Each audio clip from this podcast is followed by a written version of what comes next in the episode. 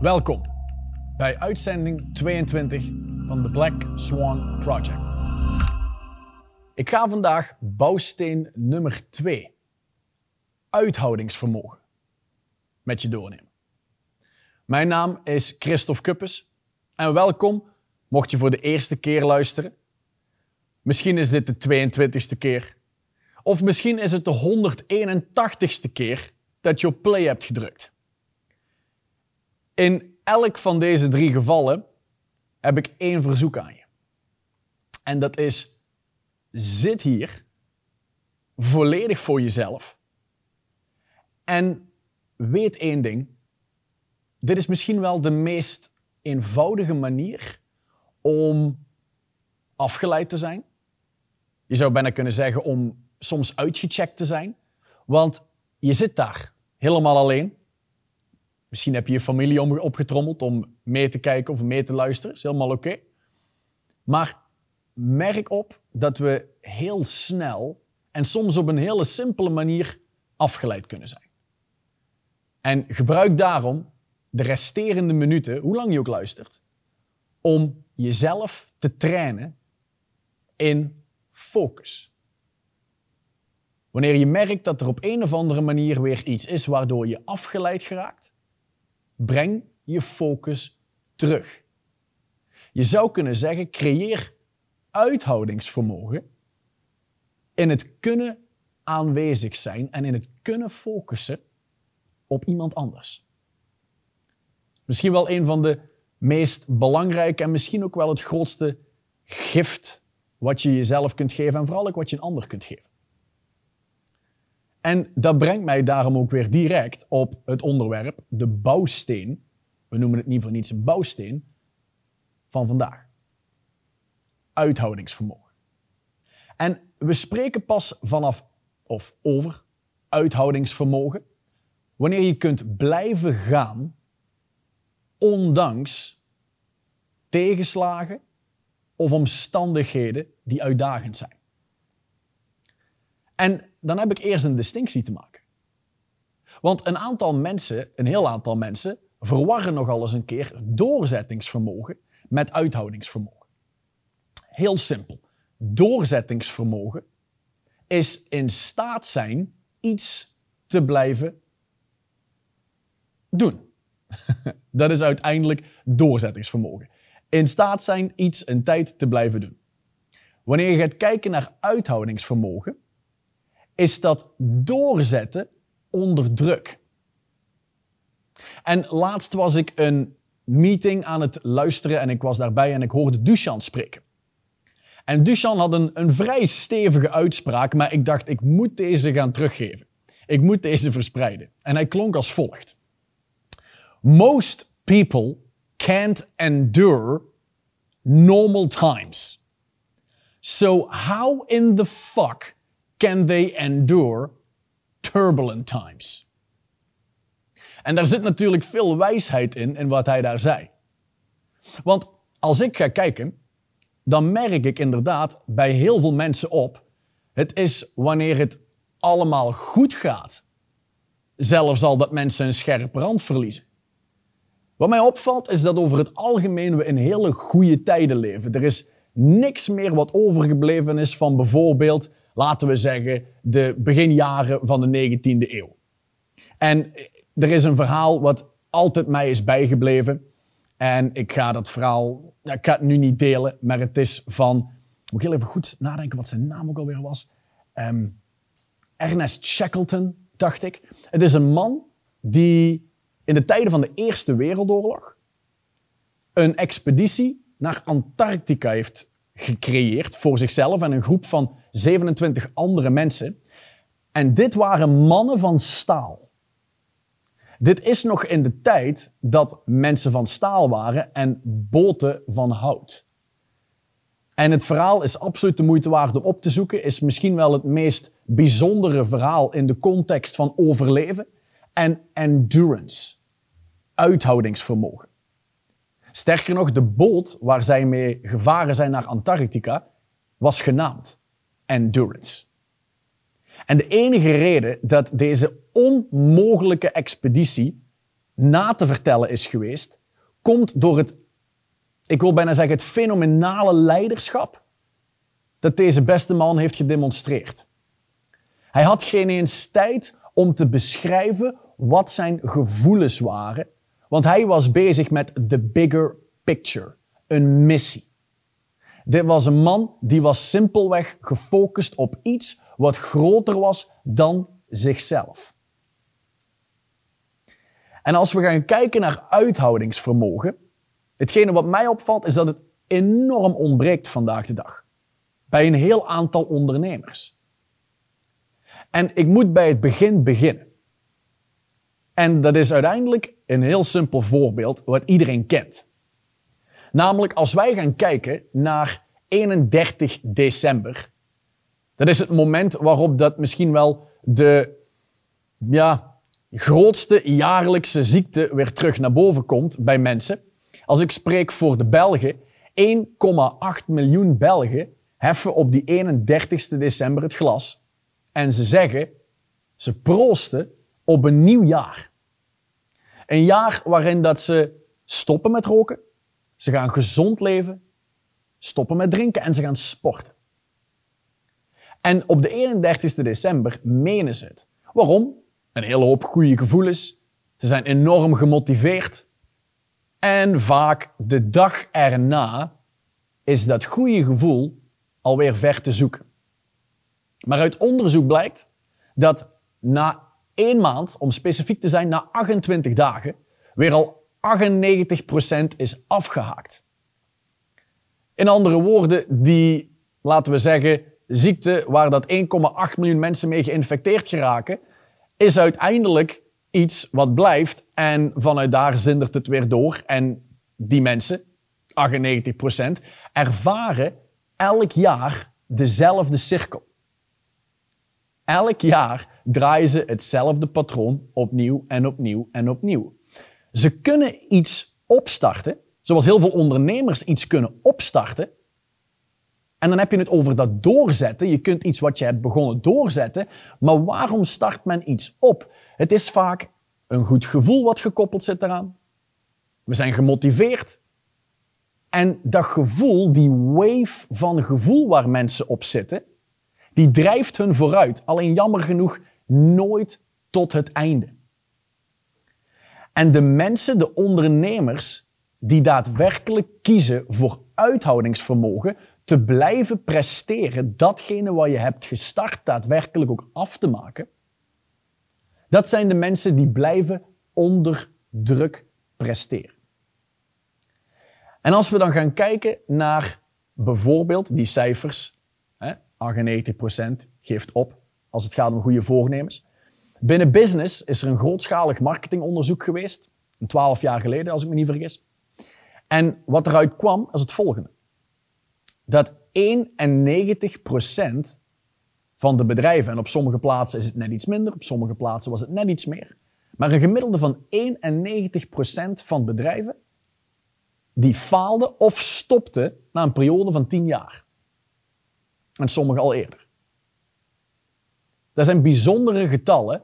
En als we dan gaan kijken, hoe kan dit? Het is heel simpel. Mensen zijn heel gemakkelijk met opgeven. Als er een bepaalde druk komt, een bepaald oncomfortabel gevoel, wat we gaan doen is we gaan op dat moment in gesprek. En je zou kunnen zeggen, we gaan in gesprek met die stem in ons hoofd. In andere woorden, je hebt een interne werelddialoog. En het is zoals altijd niet de actie buiten ons of dat wat er rondom ons gebeurt wat ons doet stoppen. Maar het is de dialoog die wij hebben over dat wat er gebeurt, waardoor we stoppen. Ik zal een simpel voorbeeld geven. Namelijk, ik weet nog goed, een, een, een, tijd geleden waren wij door een cliënt van ons uitgenodigd om op de eerste rij te gaan zitten toen dat er een UFC-wedstrijd was. En ik dacht dat het ergens in Rotterdam was, volgens mij. En toen was er een grote terugkomst van een bepaalde UFC-vechter, een Nederlander. En ik zat daar op de eerste rij en het was fantastisch om te zien wat er gebeurde. Namelijk, als we gaan kijken naar uithoudingsvermogen, zeker in sport zie je dit, Mensen die kunnen blijven doorzetten. Kilometers lang, maandenlang, jarenlang doorzetten. Totdat ze daadwerkelijk gewoon winnen. Winnen. Maar er zijn ook dingen die gebeuren. Iemand kan bijvoorbeeld zijn been breken. Iemand kan buiten strijd vallen voor een aantal weken of soms zelfs een aantal maanden en dan gaat de revalidatie aan vooraf. En wat er gebeurde bij die Nederlandse vechter is, die werd uitgeschakeld, is een heel aantal maanden buiten spel geweest. Heeft zichzelf natuurlijk wel teruggevochten, alleen wat dat doet met een stem in iemands hoofd, vol uitgeschakeld worden en weer helemaal van nul af aan moeten beginnen, het creëert iets waar je altijd overheen zal moeten gaan. Dat is ook de reden waarom wielrenners in de Tour de France, als ze zwaar zijn gevallen, zolang als ze kunnen blijven doorgaan. Ze maken hem af naar hun menselijke kunnen. Want een Tour de France-renner snapt, als ik hier volgend jaar weer aan de start sta, en ik zou dus het jaar daarvoor opgegeven hebben, ik zou de handdoek in de ring gegooid hebben, wat dat creëert, is in mijn interne wereld, creëer ik door op te geven de mogelijkheid om dat nog eens te doen. En dan wordt het jaar daarop, ook al ben je volledig gefocust, getraind, alles erop en eraan, dan wordt dat jaar dubbel zo zwaar. Omdat je simpelweg meer en meer van die chatter gaat hebben in je hoofd, want je hebt het al een keer gedaan, je hebt al een keer opgegeven. Daarom, wat er gebeurde bij die Nederlandse vechter, heeft zichzelf helemaal teruggevochten, letterlijk en figuurlijk. En hij moest tegen een enorme Rus. Hij is zelf ook een enorme Nederlander, maar hij moest tegen die Rus. En hetgene wat er gebeurde, die kreeg me toch een... Ja, ik wou een Belgische term gebruiken, maar een, uh, een, een op zijn bakkes. En dat was geen missen. Maar het was niet dat hij knock-out ging. Want begrijp me niet verkeerd, als je knock-out gaat, ga je knock-out. Dan is er geen stemmetje bij wijze van spreken. Dan is het gewoon zwart beeld en geen geluid. Het is klaar. Alleen je zag die Nederlandse vechter die klap incasseren. En het is niet de klap waardoor iemand stopt. Het is de klap ontvangen. En je zou dus kunnen zeggen, de dialoog die wij daar intern over gaan hebben. Het is die conversatie over de klap. Het is de conversatie over de omstandigheid, over de uitdaging die ons doet stoppen. En je zag bij die Nederlandse vechter gewoon in zijn ogen, wil ik bijna zeggen. De klik, de stem die zegt, luister, ik ben hier gewoon niet klaar voor. Het is me te snel gegaan. Klonk, alles gaat op slot en hij verliest de wedstrijd. Nogmaals, het is geen knockout hier geweest, maar over het algemeen is dit precies wat je ziet. En in de afgelopen jaren heb ik het heel vaak zien gebeuren. Heel veel mensen die krijgen een paar slagen en het is de normaalste zaak van de wereld om een tik te krijgen. Alleen wie wij zijn en de conversatie die we hebben met onszelf over die tik is alles bepalend. In coaching hebben we een uitspraak en die luidt als volgt. Upsets are designed to get you off the hook. In het Nederlands, tegenslagen zijn er om je uit het veld te slaan. En dat doorzettingsvermogen, mensen die iets kunnen opstarten en die dat voor een deel van hun tijd kunnen vooruitbewegen, dat gaat goed, nogmaals, voor een deel van de tijd. Denk aan een relatie. In het begin is het allemaal makkelijk. Het gaat allemaal voor de wind. Het is allemaal een soort van die roze geur en die maneschijn. Maar na een anderhalf jaar, twee jaar, moet je er in één keer voor gaan werken. Dat hele gevoel komt niet meer vanzelf op. Het is weg. En als wij, zoals heel veel mensen, blijven hopen of blijven wachten op een bepaald gevoel, wat komt, vooraleer wij weer doorzetten en weer verder gaan. Dat gevoel wat moet terugkomen, dat is hetzelfde als wachten in een treinstation op de komst van een boot. Je kunt de rest van je leven blijven wachten. Dus wat doen de meesten? They choose the easy way out. En ze geven op. Als ik ga kijken, ik weet nog heel goed, een tijd geleden had ik een man. En die was 58 jaar oud, of is 58 jaar oud. En die contacteerde ons en die zei: Hetgene wat mij opvalt sinds ik die Black Swan aan het volgen ben, is ik begin mij meer en meer eigen te maken met die straight line termen van jullie. En die man die zei, ik heb nog nooit in mijn leven iets uitgegeven aan mezelf. Nooit heb ik geïnvesteerd echt in mezelf. Ik vind misschien een pin bier van 2 euro kopen al te veel als ik het voor mezelf koop. Koop het liever voor een ander. En hij zegt, het is tijd voor mij om te kiezen voor mij. En hij besloot om heel simpelweg een sit-down te doen met mij. En ik ga het geen soul searching noemen, zoals hij het noemde. Maar hij zei, het was bizar. Want in drie uur tijd gebeurde er iets wat je bijna kunt schalen onder, nou ja, zoals hij het zei, een bepaalde magie. Voor mij is het heel normaal, want wat er gebeurd is, ik bracht hem in contact met de bron. De oorsprong van endurance. De oorsprong van uithoudingsvermogen. En wat is dat? Het is de mentale context die jij hebt waar je uit vandaan komt. Want zoals ik al zei, uithoudingsvermogen, doorgaan onder druk. Dus als ik nu aan jou vraag, duw al de druk die jij ervaart in zijn envelop en stuur die eens naar hier, naar het hoofdkantoor. Wijnstraat 41B, 6101 AK en echt. Dat is voor de mensen met hun fanmail. Voor Renault waarschijnlijk. Maar als je gaat kijken naar een reactie dat iemand dan heeft, dan is het een hele verbaasde reactie. En dan is het, ja, ik kan mijn druk niet in een envelop stoppen en naar je toesturen. Nee. Want druk kun je niet vastpakken en voor me neerzetten. Druk is een mening. Je zou kunnen zeggen een interne werelddialoog, een conversatie over dat wat er moet gebeuren.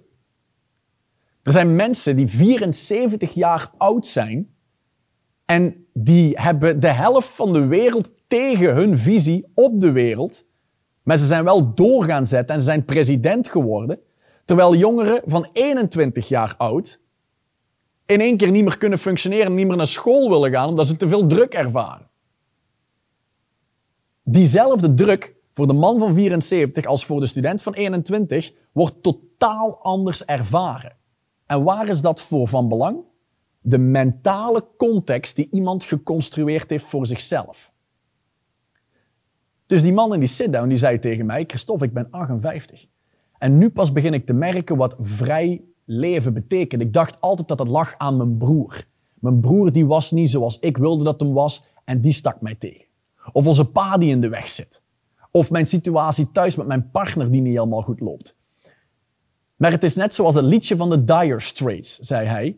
Je wijst met één vinger naar iemand en daardoor wijs je met drie vingers naar jezelf.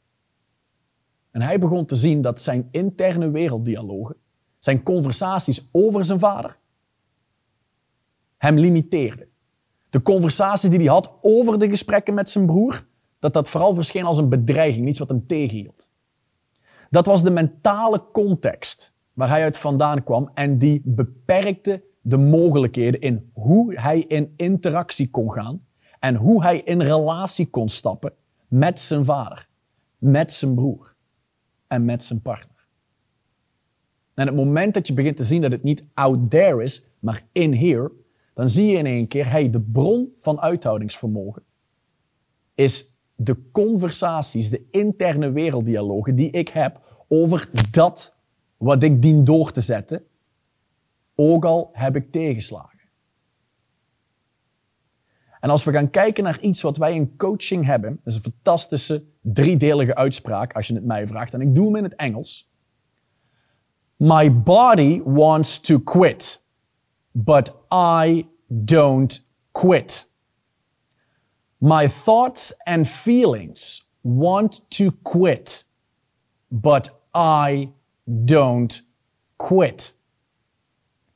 My personality wants to quit, but I don't quit. Dit is een voorbeeld van een extreem krachtige en een bewust gecreëerde mentale context. En het lijkt voor een buitenstaander als een soort van magie als dit in één keer daadwerkelijk tot leven gewekt wordt. Als iemand begint te zien, begint bewust te worden van hey, er zijn twee manieren waarop dat wij mentale contexten creëren. Bewust of onbewust. En die mentale context kan zijn krachtig of zwak. That's it. Wanneer je kijkt naar zo'n Donald Trump, die is door zijn grootvader en door zijn eigen vader opgegroeid in een omgeving, een context, waarin er gesproken werd tegen hem vanuit wij zijn goden. Wij zijn diegene, wij krijgen alles klaar en mensen staan in de rij om met ons te werken. Jij kunt maar iets vragen en je krijgt het voor elkaar. Of denk aan die kinderen die opgegroeid zijn in een gezin zoals van die rijke oliesheiks. Die worden uiteindelijk met een soort van gouden paplepel opgevoed en die krijgen natuurlijk te horen dat de hele wereld hun speelveld is. Dan is het ook hier sprake van een onbewust gecreëerde context, maar wel een hele krachtige, een hele werkbare context, kan ik zeggen, in bijvoorbeeld het spel van business. Als ik ga kijken, ik ben opgegroeid in een gezin, fantastisch gezin, maar mijn context waarin ik ben opgegroeid was, manneke, doe me normaal, dan doe je al gek genoeg. Gedraag u, val niet op en zorg ervoor dat je luistert naar de meester. Als er nu een meester zou kijken, dan is hij waarschijnlijk aan het lachen. Maar als ik ga kijken naar datgene waar ik ben in opgegroeid, mijn mentale context, die onbewust gecreëerd was, want ik had hier geen kennis van, maar die context was vrij zwak. Je zou kunnen zeggen terughoudend. En ik had niet een slecht leven gehad als ik daarna was gaan luisteren. Alleen door bewust te worden van, hey, ik ben in staat om dat te creëren, bewust, ook al zit het al 58 jaar onbewust in mijn systeem, ik kan het bewust creëren. En dan kan ik ervoor kiezen om dat krachtig te creëren. Ik ken namelijk geen enkel mens die hiervan bewustzijn heeft en die dan bewust een zwakke mentale context gaat creëren. Dat heb ik nog nooit ontmoet en nog nooit meegemaakt. Als ik dan ga kijken, wat ik heel vaak rondom mij ook zie, ik spreek veel ondernemers. En wat mij ook opvalt, is dat wanneer het goede tijden zijn, en je zou kunnen zeggen, gelden komen binnen, nu komt er onmiddellijk iemand in mijn hoofd op, is een man, uh, die is uh, ook mid 50. En die man heeft een heel welvarende situatie gecreëerd voor zichzelf, heeft een goed bedrijf, is een, laten we zeggen, succesvolle ondernemer, is, als ik me niet vergis, tweede generatie, heeft doorgebouwd doorgezet onder druk, wat zijn vader ooit heeft opgestart. Genereert een goede 50 miljoen euro met een leuke winst van 10%. En dit is iemand, dit gaat zo al een aantal jaar.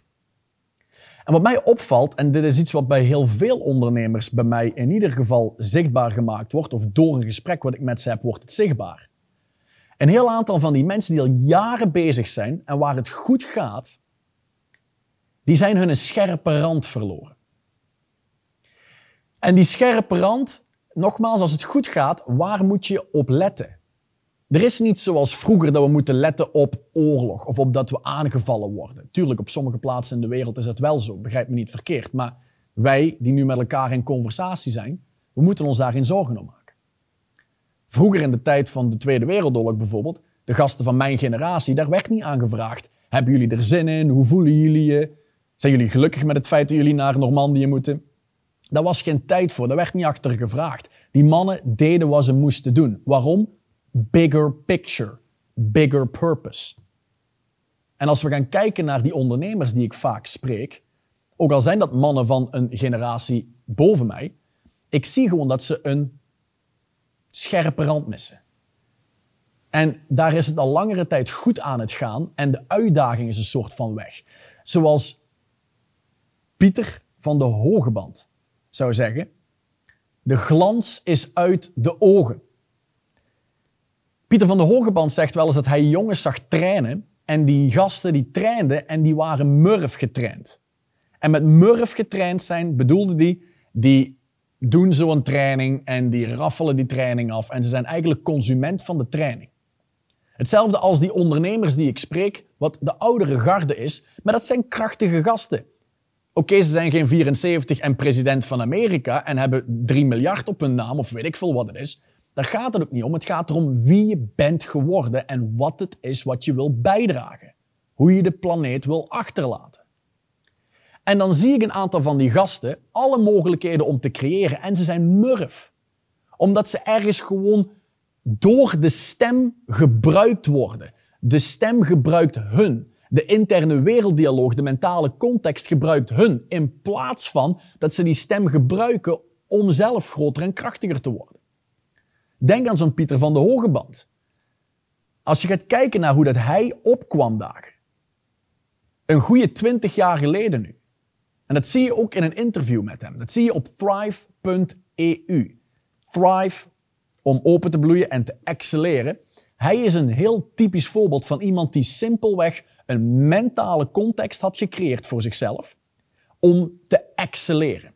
Hij zei zelfs, als ik de samenvatting terugzie en het moment dat ik de gouden plak in mijn handen krijg, sta ik ervan versteld hoe relaxed ik ben. Maar voor mij was het ook heel simpel, en ik ga hem zelfs quoten. Voor mij was Olympisch goud een logisch gevolg van het proces. Hij zei: Ik wist als ik de afspraken die ik had gemaakt met mijn team en met mijn coach zou nakomen, dan is het een logisch gevolg dat ik win.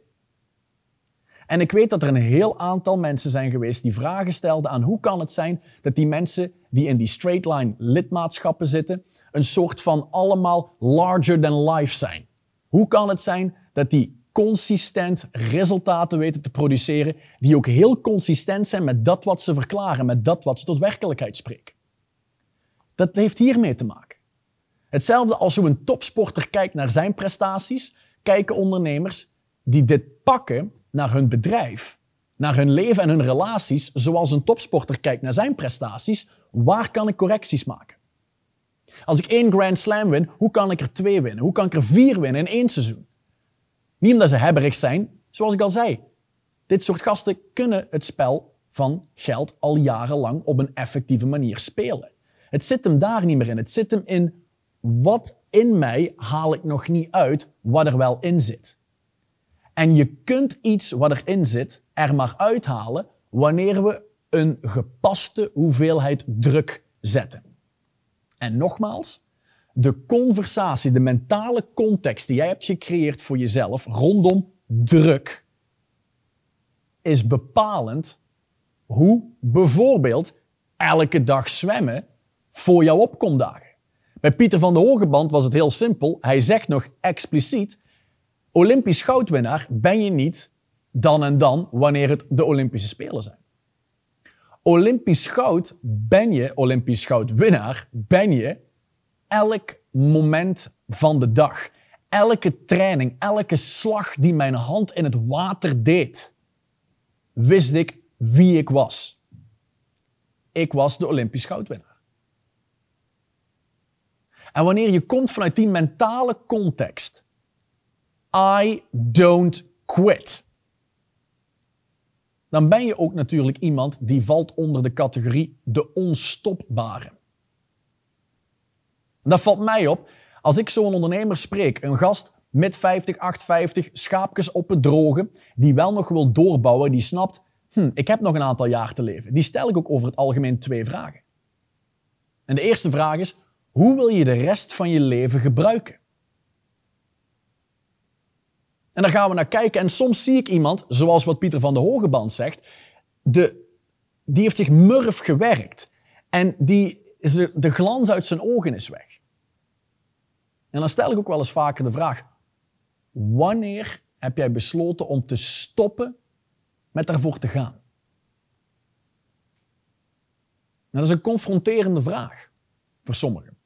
Maar alleen die vraag kan af en toe al een soort van extra kerosine op zijn vuur gooien, wat eigenlijk nog maar een hele klein vlammetje was, wat zo uitgeblazen kon worden. Hoe? Door upsets. Waarom? Die zijn ingericht om je uit het veld te slaan.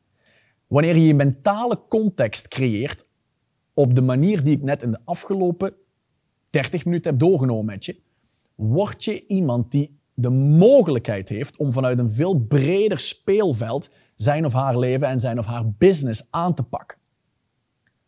Groter, krachtiger, sneller en effectiever zijn in het spel genaamd het leven. Dat is waar je toe in staat bent. Maar daarvoor zul jij het werk moeten doen. En niemand anders.